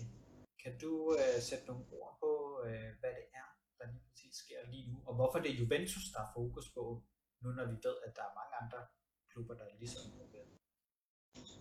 Ja, det, det snakker vi jo også om her, øh, inden vi startede, at øh, og det er jo også noget, der har stået ikke eksplicit rundt omkring i nyheds, nyhedsmedierne, men, men det er jo noget, som alle klubberne undersøges for lige nu. Ikke kun Juventus. Altså Æh, Ekstrabladet valgte jo at skrive skandalen lurer, og så et kæmpe stort billede af Cristiano Ronaldo. Ja, ja, ja, men altså det, det, er jo det, det, er jo det sædvanlige sensationens journalisme, at uh, Juventus, de sælger aviser, uh, Juventus, de, de var jo mega korrupte dengang, øh, og blev, der, der var Calciopoli over. De blev frikendt, og nej, det, det, det er vi ikke klar over, det er vi ikke noget, vi skriver. Altså, det, det, har ikke, det andet, det har bare ikke nyhedsværdi. Det har nyhedsværdi. Altså, det, det er åbenbart ikke øh, nået frem til alle sammen, at øh, Juventus er frikendt. Altså selv ikke i vores øh, Juventus Club, altså medlemsforumet for dem, der er officielt medlemmer. Der var jo også et medlem, altså et betalende medlem, der skrev derinde, ja, men nu er de jo bare korrupte igen, og hvis de bliver dømt en gang til, og så var jeg sådan lidt, øh, hvad er det, du henviser til? Hvad, hvad, hvad er det, de er, er korrupte ja, med det, og kriminelle med? Det, det er lidt, det er lidt op ad bakke. Det er sådan lidt, øh, det er sådan lidt flat, flat earther niveau nogle gange øh, med folk, de, de ikke, ikke altid er så oplyste, og, og, og det er det samme med den her, med at det, det, det lukrerer medierne på, det er, at de, at de lukrerer på, at folk, de læser en overskrift, og så siger de, hvad, åh oh, nej, nu, nu er det galt med igen med Juventus. Og mm, det handler jo altid om, at, at de går ind og kigger i klubbernes regnskaber, og ser, jamen, hvad, øh, hvad er der lige op og ned, og, og, og de undersøger, om der er nogle handler, hvor der har været noget, hvad kan man sige, noget, noget, noget fusken med, med, med, med bøgerne, og er der nogle spillere, der er blevet værdiansat for højt og, og for lidt for lavt, osv. osv., osv. Øhm, og det er, det er endnu en, det, altså, jeg ved ikke om, man kan jo tage sølvpapirshatten på, hvis man, hvis man vil. Øhm, og, og det her, det ligner bare endnu en, en, en, en heksejagt, øh, som er sat til at skabe en masse uro. Fordi, hvor, undskyld mig, hvorfor fanden begynder man at kigge på det her?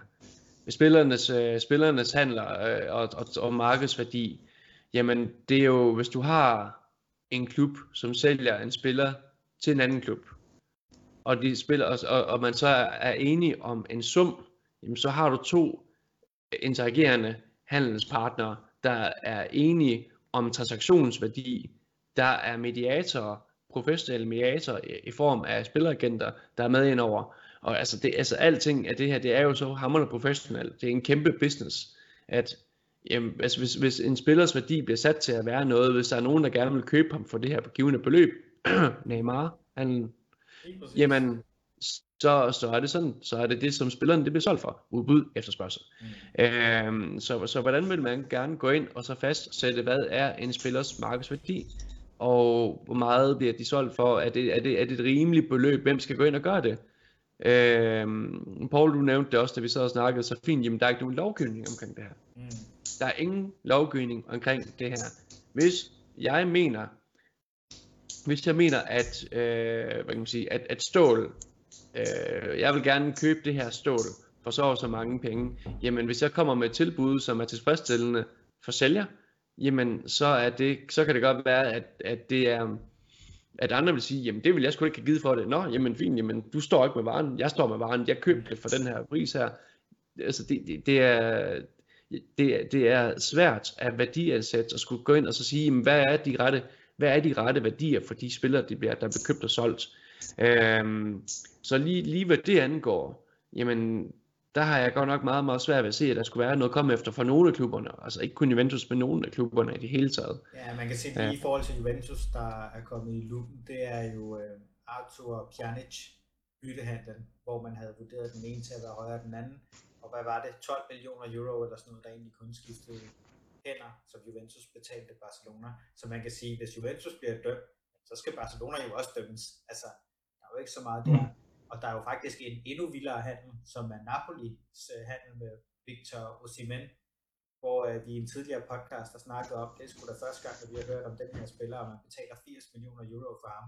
Men det man så også lige skal huske, det var, at uh, Napoli sendte altså tre spillere fra Ungdomsakademiet til, hvad var det, Marseille, han blev hentet fra, og øh, til en værdi af 20 millioner euro. Og de er altså ikke længere i klubben. De har fået ophævet deres kontrakter. Så øh, det ser da lidt vildere ud. Og så en lille detalje mere. Når det er, at spillere bliver købt, så er der altså også en bestyrelse, der kigger på, om det er rimeligt det her. Så hvis man lige pludselig giver, lad os sige 100 millioner euro for en Youth Academy spiller fra City eller et eller andet, så er der nok en bestyrelse, der siger, nej, det der, det er altså for vanvittigt. Det kommer vi ikke til at sige ja til. Hmm. Så øh, Paul, kommer det her til at holde vand, eller er det bare, som Jimmy siger, endnu en heksejagt, fordi Juventus korrupt skaber sensationshistorier? Ja, men jeg tror, der er flere elementer i det. Øh, altså den ene øh, omkring Juventus skaber historie, det er der slet ingen tvivl om, at det er agendaen i pressen i, i Italien. Nøjagtig listen, det er, hvis Juventus får straffespark i, i weekenden, selvom Napoli også filmer sig tæt. Jamen, så er det Juventus, der trækker overskrifterne, fordi alle vil læse skandalerne om Juventus. Det er den ene del, der er i det. Øh, den anden del er i det, øh, er et hvis man kigger ind i, hvad drejer sagen sig om, jamen, så drejer det sig om, at alle klubber stort set har fået gennemgået alle deres transaktioner inden for, for de sidste to-tre år. Øh, og der har de så fundet nogle transaktioner frem på samtlige klubber, øh, som undersøges. Øh, Øh, og, og, og det er jo bare ikke noget, der kommer til øh, offentlighedens kendskab, fordi det, det, det trækker altså ikke så stor interesse, som hvis det bare er Juventus, der ligger i en skandale. Eksempelvis kan jeg nævne, at sådan en som Bastoni, øh, Inters øh, kronjuvel nede i forsvars, øh, forsvaret, bliver også undersøgt, den handel, der er omkring ham. Øh, og hvis man vil ind og spekulere i noget, der er sådan lidt, øh, lidt uldent, ikke? Så, øh, så kan man sige, at Inter de købte ham for 1,5 million euro fra Atalanta. De låner ham tilbage for samme beløb. Så køber de ham igen. Øh, hvad hedder det? Eller Inter køber ham så, øh, Atalanta køber ham så for, øh, for 1,5 million tilbage. Inter køber ham for 2,5 millioner tilbage. Så sælger de ham til, øh, til Parma for 2,5 millioner. Og så køber de ham tilbage fra Parma for 15 millioner euro. Året efter. Så er han altså sted fra 2,5 millioner til 15 millioner i værdi. lige pludselig. Øhm, og, og der kan man sige, at man skal ikke have meget logik i, øh, eller logik for at, at, at konkludere, at klubberne spekulerer i det her med kunstigt at puste værdien op af deres spillere. Øh, og det gør de som konsekvens af i hvert fald de klubber, der ellers er pengestærke Jamen det gør de jo som konsekvens af, at UEFA meget stringent har vist, jamen de går efter de klubber, der ligger subtop, når man snakker financial fair play.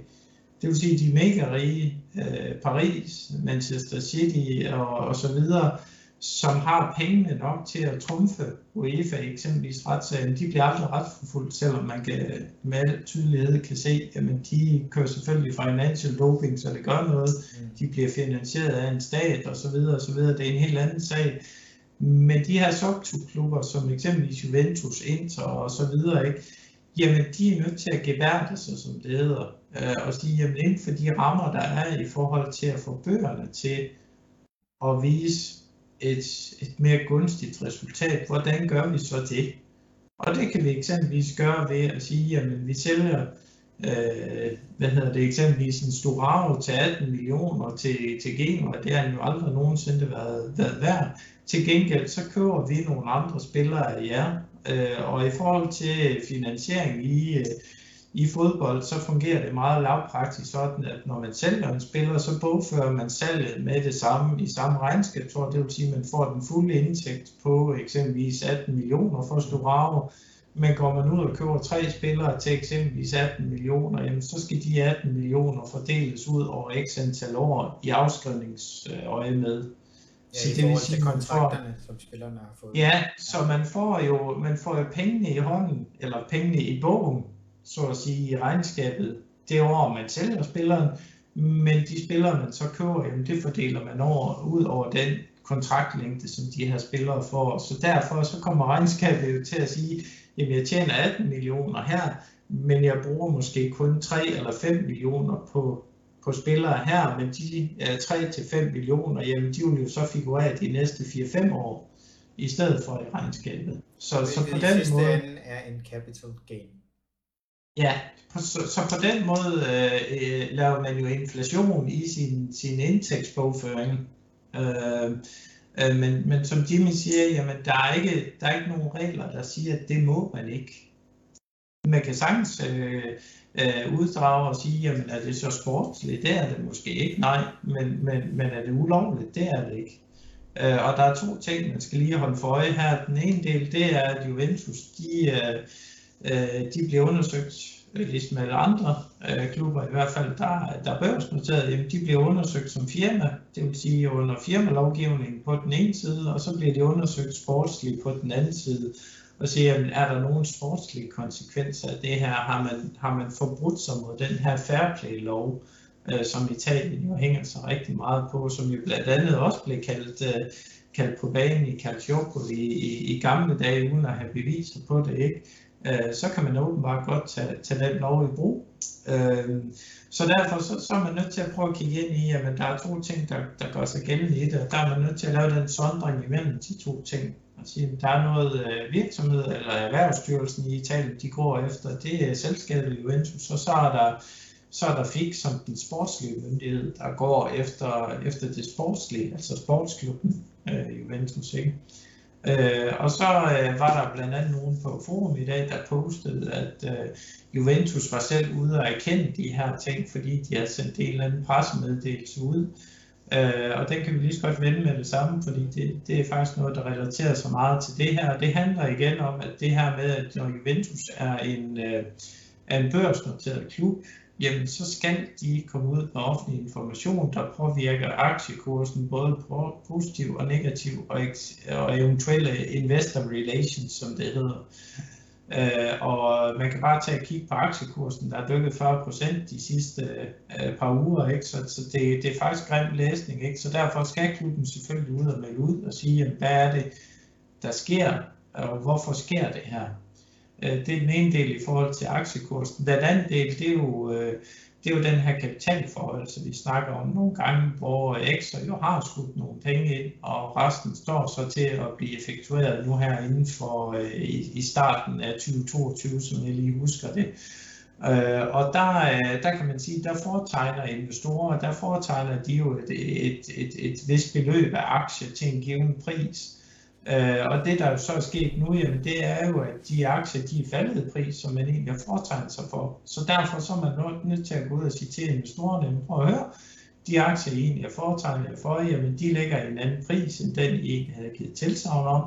Og hvis I så køber de her aktier, jamen så har vi nogle worst case scenarios inden for det, vi rent faktisk bliver efterforsket for nu. Fordi når de lægger ind med den information om, at de bliver efterforsket af en eller anden grund, jamen så skal de også tilvejebringe den, fordi det har indflydelse på den beslutning, de her aktionærer tager. Mm. Så det, det er faktisk ikke, fordi det er, det er nogen kriminel erkendelse eller, eller lignende. Det er simpelthen et spørgsmål om, at man, man som, som børsnoteret fodboldklub eller virksomhed er påduttet at gå ud og fortælle øh, nyheder, der har indflydelse på værdisætning og aktiehandelskursen osv. fra det her selskab. Så det er, det er forklaringen bag. Mm. Skide god forklaring. Og jeg håber, det kommer ud til folk, fordi øh, så sent som for et par dage siden, der læste jeg nogen skrive, hvis det her for anden gang nu sker med Juventus, at man har været korrupt, så er jeg ude. Så kan jeg ikke holde med klubben mere. Og det er ærgerligt, at folk ikke øh, vælger at være oplyste om sin egen klub. Altså for det første, Juventus blev dømt i Calciopoli, men er blevet frifundet. Og ligesom i den her sag, der er ikke nogen, der er dømt. Altså der, der er ikke faldet nogen dom overhovedet. Så vent nu lidt med at, at komme ud og fortælle, at man er ude af klubben osv. Ja, så skal man jo lige holde for i sidste ende, så er Italiens retssystem altså også bare et kapitel for sig selv. Der er ingen steder i verden, det fungerer, øh, som det gør i Italien, øh, i forhold til rimelig ret og gang og så videre og så videre, fordi nu så vi selv med Calcio på Jamen, der blev Juventus dømt på to eller tre uger, så den kunne tvangsnedrykkes i sommerferien, ikke? det vil jo aldrig nogensinde ske øh, i UEFA-anlæggende eller FIFA-anlæggende. Ikke? Jamen, nu har vi selv se, hvor lang tid sagen har taget med, med PSG og deres FFP. Ikke? Jamen, det er taget øh, to år at få afgjort den sag. Ikke? Øh, så, så dermed ikke sagt, at uanset hvordan tingene ligesom ligger, jamen, så lever det italienske retssystem bare sit eget liv. Øh, og, øh, og, og selvom vi er Juventus-fans, så kan man også godt objektivt bare konstatere, jamen der er en åben agenda mod Juventus og, og, og fodboldforbundet dernede. Øh, de kæmper indad mod hinanden, og, og som de egentlig lige nævnte, jamen øh, Agnelli er alle sammen stort set sure på, fordi øh, han, tog, han blandt andet tog det her træk med og, og, og prøve at springe ud til Superliga, ikke? så det er absolut ikke givet ham nogen fjer i hatten heller.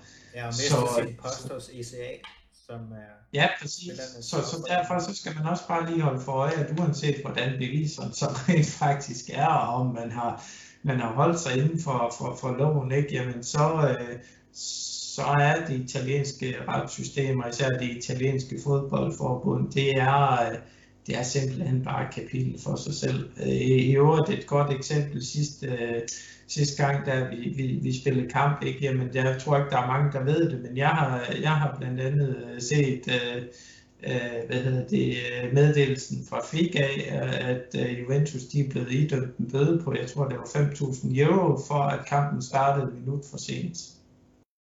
Og det er jo Juventus' hjemmebane.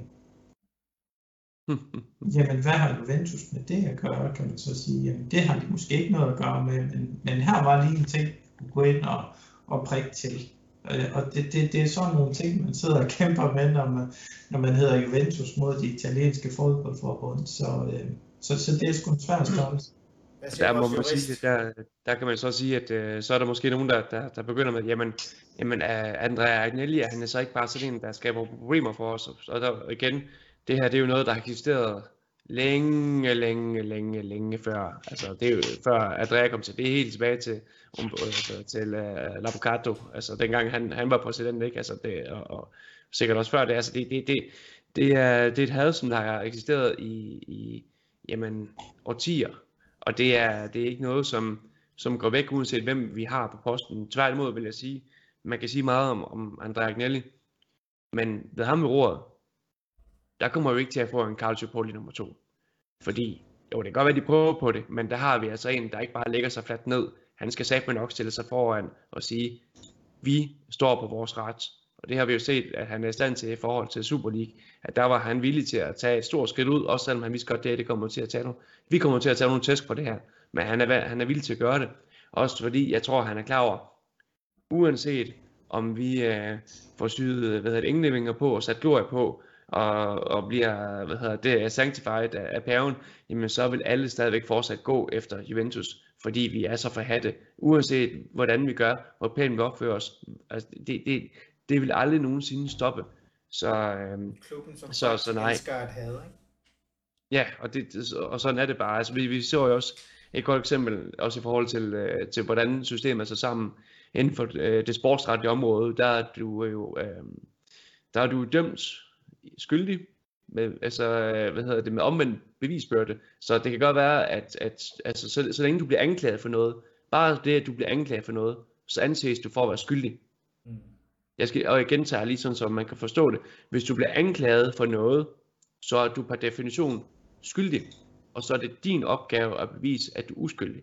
Det er ikke uskyldig indtil modsat af bevis, som vi har det i en almindelig retsstat. Nej. Tag sagen imod Antonio Conte, hvor han blev øh, dømt, fordi der var nogen, der mente, og med nogen mener jeg en korrupt person så i hans spillertrup, som blev øh, øh, dømt for, jeg ved ikke alt muligt øh, inden for noget. Ja, det var en fra Siena, ikke også? gambling. Hvad siger du? Det var en fra Siena, ikke også? Ja, ja, ja, lige præcis. Og han, han har været blandt ind i organiseret kriminalitet og alt muligt. Og indgik så en plibakning aftale, hvor han så ved at kunne sladre, om andre kunne få nedsat straf. Og så kunne han jo så sige, at jamen, jamen, han var i hvert fald af den overbevisning, at, øh, at Antonio Conte, han vidste da godt, at der var nogen, der havde i spillertruppen, havde spillet om et eller andet resultat. Det havde Antonio Conte været viden om, mener han. Og alene det udsagn for en eller anden dømt kriminel, og hans udsagn blev mods, øh, modsagt af, stor, altså af, af alle andre. Så det ene udsagn var nok til, at Antonio Conte han blev dømt, fordi han kunne ikke bevise det, at han ikke vidste det her. Mm. Hvordan fanden skal han bevise noget, som han, at der er noget, han ikke ved? Det er, altså, selve tanken er absurd, men det er helt derude, vi er i forhold til og, det og italienske retssamfund. mærke til én ting mere. Hvornår var det sagen kom op? Altså, Ja, sagen, det var da han var Den- træner for Juventus. træner for Juventus, men sagen, Ja. ja. det var fra dengang, han var træner i Siena. Men selvfølgelig, Yes. altså trigger point, det er jo Juventus. Så nu, og dengang med Cristiano Ronaldo, hvornår kom den der voldtægtssag op, som var 10 år gammel, da han skiftede Ja. til Juventus. Altså, der er jo Ja. bare et mønster i det her. Lige så snart, at man kan anklage en Juventus-spiller, en Juventus-træner, Juventus som klub, jamen så kommer alle de her sensationsprægede øh, overskrifter, og så står alle klar til at, at brænde hele klubben ned. Det er lidt, øh, det er lidt trættende, men det er en del af det her hvad fanden er den her klub, tror jeg. Det skal man vist bare, øh, det må man bare erkende, at det er, det er lidt et, et lod. Og det er, øh, det er ikke fordi, jeg sidder og skal sige, at der, man skal have en offermentalitet eller noget, fordi det er jeg ikke stor tilhænger af overhovedet. Øh, men men man, man er også bare nødt til at, man er nødt til at anerkende og have en forståelse for, at A, som Paul siger, retssystemet i Italien, det er ren bananrepublik. Øh, det er fuldstændig grotesk, grotesk dårligt. Øh, og jeg arbejder, jeg er jurist til daglig, for jer som ikke ved det, øh, og vil nok sige, at jeg har sjældent set noget lignende i et europæisk land, som, som det her. Det er sindssygt. Og så det andet er, jamen, der er bare et historisk had til os, og det går ikke væk. Det er en kulturel ting. Det må vi leve med. Men det gør bare, at vi bliver offer for nogle mærkelige ting en gang imellem. Så Så med det sagt, så øh, kan man så sige, Calciopoli 2, nej, det tror vi ikke på. Kommer der til at være alle mulige andre anklager? Det kommer der helt sikkert til at være. Tror vi, at Juventus bliver dømt? Nej, det tror vi heller ikke. Nu kan man lige have lidt ekstra på Juventus, og, og, og også få nogle af Juventus' egne fans til at have klubben. Øh, så på et eller andet tidspunkt, så glemmer man det helt lige så snart, at øh, de ikke kunne finde noget. Vi, vi, vi siger det selvfølgelig heller ikke i medierne. Vi lader alle folk tro, at Juventus har været korrupt igen. Det, det er sådan, det kommer til at være. Og så tænker jeg, at vi kommer til dagens sidste punkt, inden vi lukker ned for i dag. Det er vintertransfervinduet. Vi har allerede taget lidt hul på det, men øh, lad os prøve at, at kigge på nogle spillere, som vi tænker kommer til at, at komme væk. Paul, vil du lægge ud? Øh, jamen, jeg, jeg, jeg tror egentlig, det er, det er faktisk rigtig svært at give et kvalificeret bud på, fordi øh, netop med den situation, vi står i nu, øh, øh, hvor man kan sige, jamen det er, det, det, det er skuevist, hvad fanden der ligesom bliver udfaldet af det her, selvom vi kan være optimistiske, ikke? Jamen så har, øh, som vi snakker om, retssystem bare sit helt eget liv, ikke? Og det er klart, men øh, øh, udover at Juventus øh, typisk aldrig kommer ret stort ind i, i, i vintervinduet, ikke? Øh, så, så, så er man nødt til at tage nogle dispositioner efter det, ikke? Så, så jeg forventer faktisk ikke, at man ser øh, super store transfers her i, i, i januar måned. Og igen, det som vi har nævnt hvert år, øh, øh, når vi er siddet ved den her tid, ikke, jamen, så hænger det også sammen med, at Juventus' omsætning, den er meget bundet, bundet sammen med Champions League, ikke? Og, og der finder man først ud af i februar, marts, april måned, hvor langt man egentlig kommer deri, og har nogenlunde bud på, jamen, hvor mange penge kommer der egentlig fra, øh, fra Champions League. Så, Øhm, men det kan jo sagtens være, at altså, der er nogle spillere, der har, øh, der har kontraktudløb til sommer, ikke? så øh, kunne man få listet måske 10-20 millioner ind for noget Pogba eller noget lignende, ikke? Jamen, så kunne det jo sagtens være, at øh, Manchester United bider til bolden på det eksempelvis. Øh, så, så skulle det være noget i, i den retning, kunne jeg sagtens forestille mig. Og heller ikke udgående. Du tror ikke, der er nogen, der, altså en Ramsey, der måske muligvis kan få ophævet kontrakt? Jo, så skal det jo være fordi, at han får ophævet sin kontrakt, men, men, men han har det luksusproblem, at han får en tårnhøj løn, så hvorfor skulle han gøre det? Øh... det er 50 millioner kroner om året, bare lige til folk, ja. der ikke ved det, for at sidde på en ja, ja. og spille mere for sit landshold, 112 minutter tror jeg det er, for Wales, ja. end hvad han har gjort for Juventus i hele det her år eller sæson. Et af delene i hvert fald. Ja, Ja, men det er en helt grotesk situation med ham faktisk ikke, så øh, og, og det næste problem er jo så, øh, som, som, som en af, af, af min, min gode øh, øh med Juventus fans, Mikkel Heideby, han siger, jamen, hvorfor sælger vi ikke alle sammen? Så siger jeg, det, kan, det kan man jo også godt, men, men, men der skal jo være nogle spillere at sætte ind i stedet for, ikke? Og, og det, det er jo stadigvæk gældende her, ikke? hvor man siger, jamen, vi kæmper stadigvæk med næb og klør, om at, og i hvert fald hente den her fjerdeplads, så vi sikrer Champions League, ikke? Øh, så kan man sagtens øh, ønske, at både Ramsey og Bernadeschi med nogle flere, ikke, de bliver solgt her i vintervinduet, men et, hvis ikke der er nogen køber til det, og man ikke får nogen penge øh, for det, man skal ud i lejeaftaler og så videre, jamen så skal man stadigvæk ud og hente en kapabel erstatning ind øh, for de her folk, fordi de, de har trods alt det, der byder ind med i, i forhold til den her tro på en, på en 20-25 mand. Ikke? Så, øh, og med de skader, vi har, jamen, så, så er der sgu brug for, for all hands on deck. Ikke? Så, øh, så medmindre vi får sådan nogle, nogle, nogle specielle øh, øh, muligheder for, for nogle af de der spillere, der, der er ude af kontrakt her til sommer, ikke? Jamen, så, så, så, så er det svært ved at se, at man går ud og investerer stort i det her vindue. Mm, så det er muligvis kun ham, Dennis Zakaria, vi lige snakkede om. Øh, Ja, og så kan vi jo lige nævne, jamen øh, en ting er, er selvfølgelig øh, den her omsætning, vi ikke har, har talt på fra Champions League nu, som indgår i driften, men vi har også øh, den her kapitalforhold, som vi nævnte, øh, vi nævnte nogle gange, ikke, som man var stillet udsigt her til, til foråret, jamen på baggrund af det, de er sendt ud i dag, ikke, jamen, så er det også stadigvæk et stort spørgsmålstegn, fordi så er spændet faktisk fra 250 millioner op til 400 millioner på, hvor mange penge man kan rejse. Og det, det er altså et stort spænd, når man også har et stort sort hul, øh, man stadigvæk skal dække af fra, øh, fra corona af. Så, øh, så, så, så jeg tror ikke, der bliver spillet ret meget med musklerne nu her. Jimmy, hvad med dig? Tænker du ikke, at der er nogen, der muligvis kan blive sendt afsted? Eventuelt en Kulusevski, som øh, Arsenal måske er interesseret i. 40 millioner, hører jeg. Jeg tror, Tottenham er mere interesseret i ham, øh, hvis jeg skal være ærlig, men, men jeg tror ikke på, at der sker noget her til, til vinter. Øhm, jeg, jeg må indrømme, jeg, jeg tror, det bliver nærmest status quo. Øh, jeg, jeg plejer at være optimistisk, men øh, ikke lige her, fordi vi er i en forhandlingsmæssig dårlig situation. Mm. Vi har ikke ret mange midler at gøre med. Alle ved, at vi er desperate efter at afhænde en til to, gerne to midtbanespillere. Mm. Hvis du har en sportsdirektør, der bare har læst nogenlunde på lektion, når de går i en dialog med os, så ved vedkommende, at jamen, vi vil gerne have opgraderet den her midtbane her. Og der er nogle, der er nogle folk i truppen, som vi gerne vil have afhandlet for nærmest for hver en pris. Ramsey, særligt Ramsey, også gerne Rabiot, han er også på vej ud. Mm. McKennie er et spørgsmålstegn. Kommer der et godt bud på McKennie, tror jeg også, at man sælger. Mm. Øhm, Arthur. Arthur især, ja, ja, ja, selvfølgelig, selvfølgelig. Jo, jo ham var jeg lige ved at glemme, også ja. fordi jeg selv stadigvæk lige skal omstille mig til det, fordi jeg synes, det er Ja, ja det, det, var, det, var nok ikke, det var nok ikke ham, jeg havde sat på transferlisten, skal vi ikke sige sådan, men det, det, det er så det, som Allega han vælger at gøre. Øh, fred være med det. Men jo, vi, vi, vi har helt klart nogle spillere, vi gerne vil af med. Jeg tror bare ikke på, at det kommer til at ske.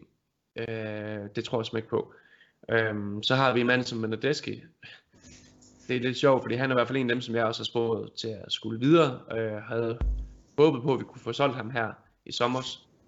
Øhm, jeg, jeg ved ikke, jeg synes faktisk, at han er, han er en af de spillere, der går forrest lige nu. Øh, og jeg synes faktisk nærmest, at vi savner ham, når, hans arbejdsraseri, når han, når han ikke er på banen. Mm. Øh, hans attitude, han er en af dem, som rent faktisk udstråler, jeg vil kraftedeme vinde hver, enkelt, hver eneste bold, jeg kan, og jeg smider mig gerne ned i, i taklingen og, og, og løber den næste kilometer. Øhm, han, han, altså, han er slet ikke, hvor han skal være. Det jeg vil, jeg vil gerne lige sige. Han er slet ikke, hvor han skal være i forhold til, hvad vi forventer, eller forventede af hans øh, store potentiale engang.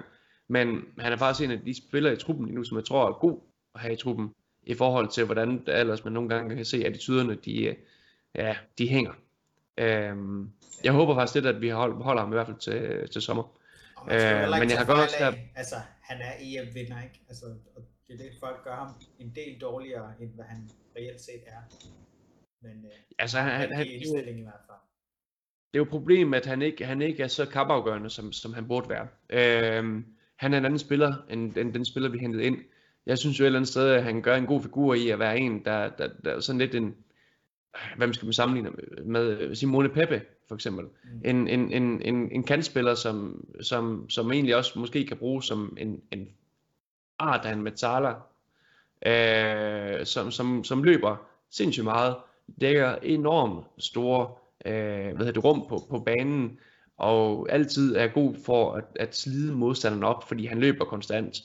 Mm. Øh, han mangler noget af det tekniske, og det er som om, at det, det er noget, der er forsvundet med hans mangel på selvtillid og, og, og selvforståelse som hovedspiller. Han er ikke den spiller, vi hentede ind fra Fiorentina. Han er ikke den her kampafgørende kantspiller.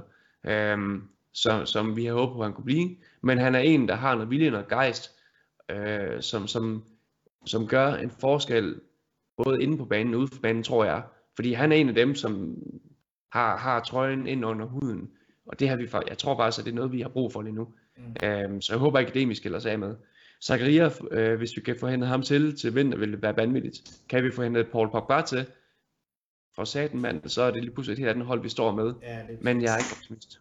Det må jeg nok erkende. Det er ikke. Men, men man kan sige om, at hvis man skal lige supplere med det, Juventus øh, øh, øh, ser måske, øh, hvad skal man sige, hvis man skal være lidt pragmatisk, så, øh, så vil det rationelle være ikke at gøre ret meget nu, men, men omvendt, så har man jo altså udsigt til, at man ikke når fjerdepladsen, hvis ikke man gør noget. Så der sidder helt sikkert nogen på, øh, på ledelsesgangen ikke, og tænker, jamen øh, skal vi, skal vi satse på det her? Er vi nødt til det rent faktisk? Fordi uh, når man ikke i, i Champions League igen, så, så er det jo 150 millioner, man taber i omsætning næste år. Og så, og så, uh, så, ram, så rammer katastrofen, så er det ikke noget med muligvis skal sælges, så, så, uh, så bliver der brandudsalg, og så starter der en ond spiral. Ja. Jeg, jeg er enig. Jeg, jeg vil også øh, tage øh, hvad hedder det, en, et, et financial hit nu her for at sikre, sikre at, at man vil have en langt større chance for at kunne ramme Champions League Plus, have noget bedre at bygge på så hurtigt som muligt for, for, for den træner, der nu er sat i stand. Øh, for det er jo klart, at, at det der er nu, det har, det har noget tilbage at ønske. Øh, og når, han ikke, når man ikke vælger at bruge en mand som Arthur, øh, altså der, der, der, der, skal, der skal et eller andet til. Der skal et eller andet til. Øh, Men han mangler jeg, jo også jeg, kvalitet, hvis vi skal være helt ærlige. Altså han laver med med mange fejl. Hvad siger du måske? Altså Arthur, ikke? Altså jeg tror også, at valget af, at man ikke har brugt Arthur er, at han har lavet alle de fejl, som man, man har set ham lave i de sidste par kampe. Jeg synes faktisk, at han laver nogle graverende fejl. Og det er lige præcis Men manden skal jo måske også lige have lov til at, at, at komme tilbage ovenfor en, oven, efter en, en operation og, og have trænerens tillid og, og have muligheden for at spille sig lidt i form. Det er jo slet ikke, det er han jo slet ikke haft. Han har jo ikke fået chancen. Det vil jeg ikke mene, han har. Men hvis man ikke spiller ham mod Salernitana, så er det vel fordi, man ikke tror på ham. Jo enig. Jeg, jeg siger bare, at, at, at jeg, jeg synes godt, man kan forsvare, at Arthur han ikke er i form. Han har ikke chancen. Han har ikke haft chancen på at komme i form. Mm. Han har ikke til, hverken, han har hverken spiller trænerens tillid eller fået minutterne til at, at, at komme i gang. Altså det, og der er ikke blevet, han er ikke, der er ikke blevet, der er ikke, altså hvor mange gange han startet inden? Han startede inden en gang, eller? Ja, jeg ved det ikke. i stil. Ja. Øhm, der har ikke været system med plads til, at der er ikke, der er ikke, midtbanen skal bygges op om, at han er nede på den registerposition, og så er der resten. Øh, men det har man ikke gjort. Det er sagt. Nej, Ar- Arthur er ikke Allegri-spiller. Så er den ikke ret meget længere. Ja, spændende. Altså der er i hvert fald én spiller, som jeg synes, man skal holde øje med, som øh, jeg i hvert fald har set på vores øh, ungdomshold der. Og det er jo ham, vi lige så i 12 sekunder, Mathias Solé, argentineren. Ham, der har fået lov til at få en kamp for Argentinas landshold. Synes, han i hvert fald er bundet til Argentina, om han bliver en succes eller ej. Og så øh, har han lige fået sin officielle debut for Juventus. Det var faktisk meningen, han skulle have spillet flere minutter, kunne jeg forstå. Men øh, bolden, den røg simpelthen ikke ud, så han havde faktisk stået i 5-6 minutter og ventet på at komme ind. Men øh, det er helt klart en spiller, man skal holde øje med. Altså, han øh, scorer nogle vigtige mål dernede, og, og spået til Ja. ja. et af de næste store talenter. Jeg kan øvrigt også se, at han er blevet indlemmet til at træne fast med øh, førsteholdstruppen nu. Øh, så han træner med i de deciderede formationer, de træner frem mod, øh, mod kampen i weekend. Så det, det begynder faktisk at se rigtig spændende ud. Ja, og det man også kan sige, det er, at han må jo ikke spille mere end fem kampe i over 30 minutter for førsteholdet, fordi hvis han gør det, så er han låst til førsteholdstruppen. Og det er blandt Mm. andet derfor, at han, ja, vi kommer primært til at se, at han får under 30 minutter hver gang han spiller. Så tæller det nemlig ikke med. Men det er Ja. bestemt en spiller, man skal holde øje med. Lidt ligesom Moise Kean dengang. Han kunne have udviklet sig til noget større. Det gjorde han nok ikke ved at kunne våge påstå. Yes. Nogle uh, spændende bemærkninger til at slutte post- podcasten af? Eller har vi været igennem det, som vi tænkte, vi skulle i dag? Jeg har ikke lige noget til for, tror jeg. Nej, det har jeg umiddelbart heller ikke. Vi har også været rigtig godt igennem, kan man sige. Så der er cirka halvanden times podcast til folket. Så øh, ja, her til sidst, så vil jeg bare sige, at men, uh, på søndag, der spiller vi igen mod uh, Genua. Lad os håbe, at uh, Allegri han får virkelig vist en god kamp, og så bliver det spændende at holde øje med Rovella, så vil jeg sige, Juventus' midtbanespiller, som er udlejet til dem. Meget spændende spiller, en af de bedste i Serie A i øjeblikket, og nu er det jo Andrei Shevchenko, der er træner for den klub, så øh, man skal bestemt holde øje med ham og, og, og den klub i øjeblikket. Tusind tak for, at I to var med, og tusind tak for alle jer derhjemme, der, der lyttede til det her. Tak for i aften.